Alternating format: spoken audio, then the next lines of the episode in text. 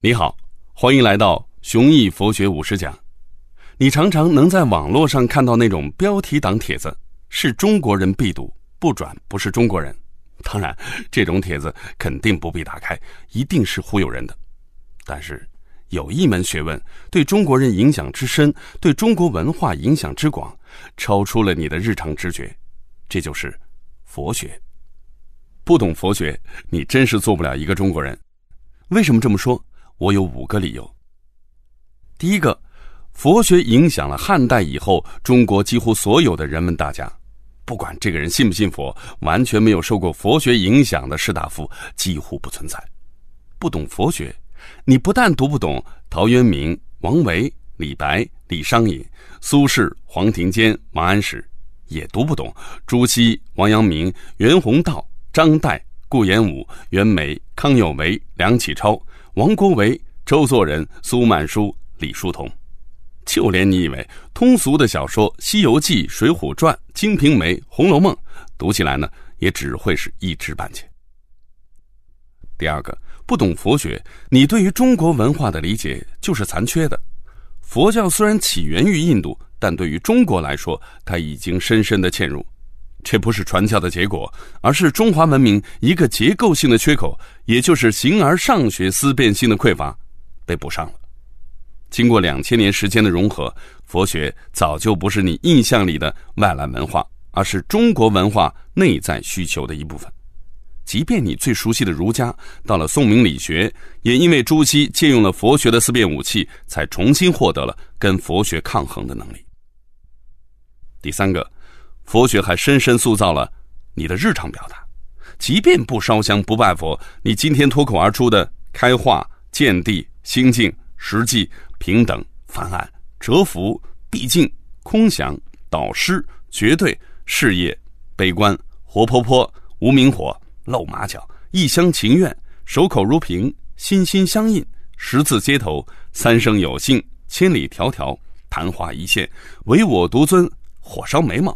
抛头露面，刀山火海，铁树开花，勇猛精进，这些词啊，其实通通来源于佛学经典。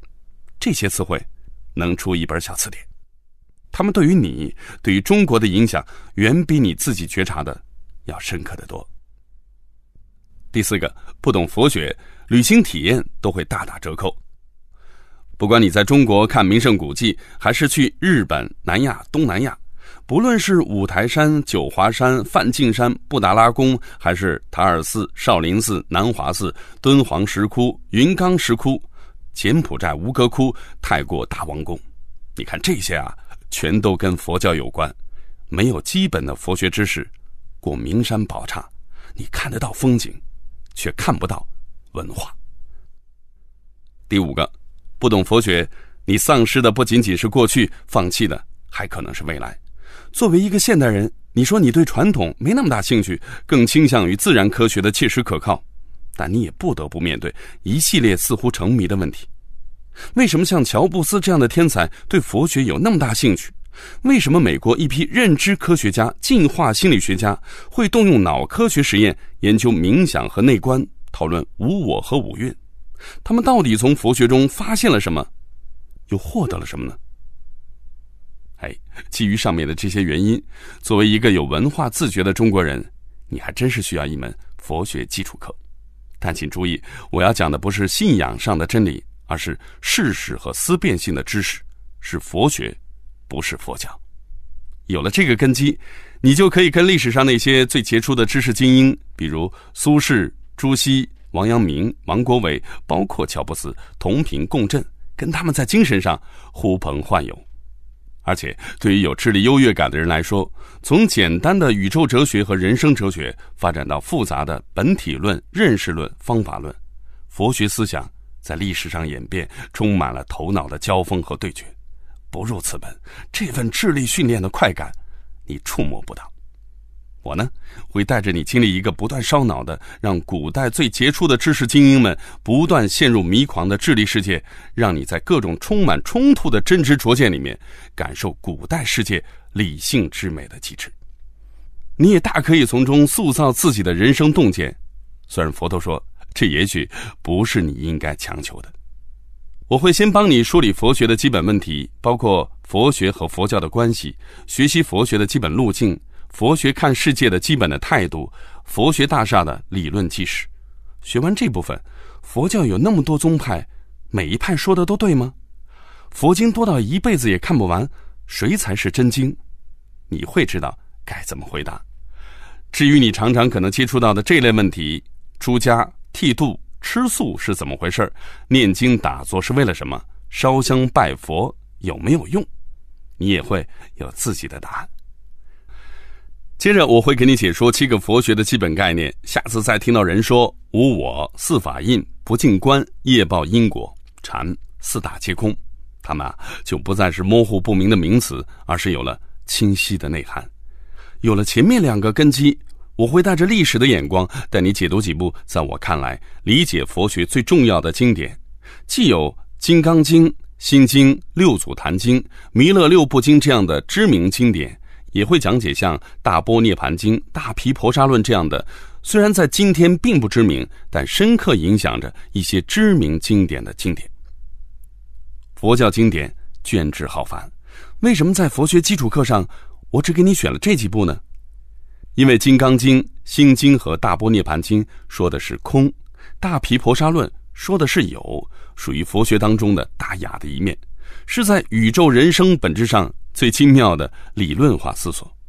到底是空还是有？重要的不是结论，你要关注第一流的智者苦苦钻研的过程。而弥勒系和地藏系的经典，这属于佛学当中大俗的一面，是佛教争取最大规模用户所做出的努力。最后呢，我会讲《六祖坛经》，我会带你看一看这部对中国人影响至深的经典是怎样让传统的禅脱胎换骨，走向了自己的反面。等你听完这些内容，对佛学的基本框架、理论交锋和路线斗争的基本模式，还有世俗社会对佛学的不同接受方式，都能形成清晰的图像了。对于读书，我始终强调一种读书方法论，那就是不要孤立的读书。而要搞清楚一本书来自谁，又在反对谁，这就意味着我是在自己啃了十本书甚至一百本书的基础上，帮你理解一本书的。